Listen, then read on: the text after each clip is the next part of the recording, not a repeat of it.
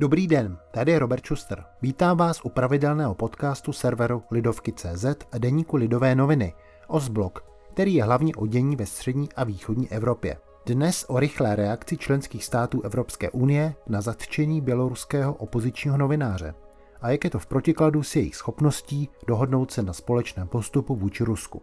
Příjemný poslech.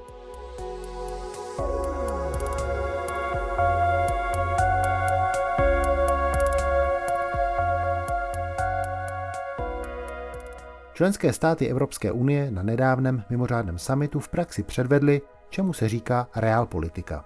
Jinými slovy způsob rozhodování, při kterém jde o určitý kalkul a kdy se vychází z toho, co je v daném okamžiku politicky prosaditelné. Po odklonění zahraničního civilního letadla s běloruským opozičním novinářem na palubě do Minsku, vynuceném navíc běloruskou vojenskou stíhačkou, přišla ze strany Evropské unie rychlá odpověď.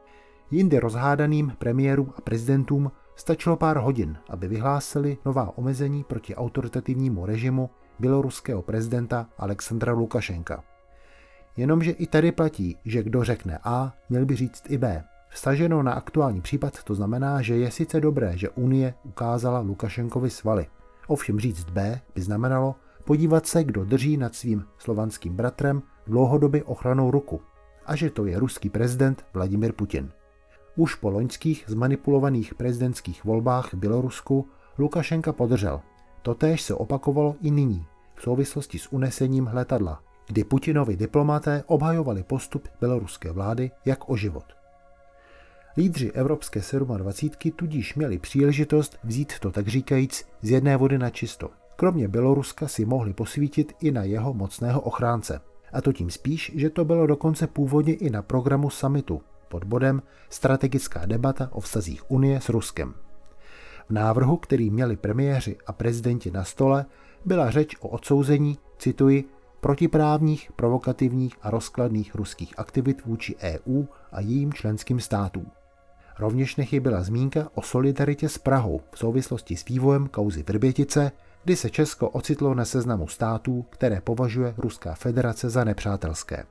Jenomže plánovaná debata se nekonala a byla odložena na další summit na konci června. I v tom je kus unijní politiky přesouvat nepříjemné věci na později. Budou ale Vrbětice v červnu vůbec ještě někomu něco říkat? Vybaví si pak někdo únos letadla do Běloruska? Pravděpodobně už jenom ti, jich se to přímo dotklo. Stejně tak si už možná nikdo nevzpomene, že Moskva před časem rozšířila seznam nežádoucích osob o šéfa Evropského parlamentu Davida Sasoliho a místo předsedkyně komise Věru Jourovou. V té době už také bude čerstvě po samitu prezidentů Spojených států Joea Bidena a Ruska Vladimira Putina. V Bruselu zazní obvyklý blues, že Unie nehraje v zahraniční politice žádnou roli a nikdo z velkých hráčů, včetně Spojených států a Ruska, ji nebere vážně. Takže ve vztahu k Moskvě nakonec bude přijato nějaké bezzubé prohlášení. Pokud by se náhodou někdo snažil o opak, zástupci Německa, Kypru, Rakouska, Maďarska, Řecka nebo dalších, kteří mají v Rusku matatelné ekonomické zájmy, tomu jistě zabrání. I to patří k zahraničně politické realitě stávající Evropské unie.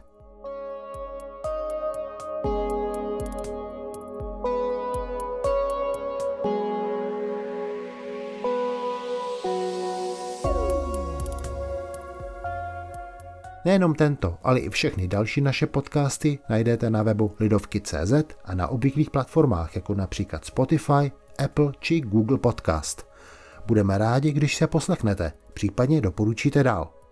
Za pozornost vám děkuje a všechno dobré přeje Robert Schuster.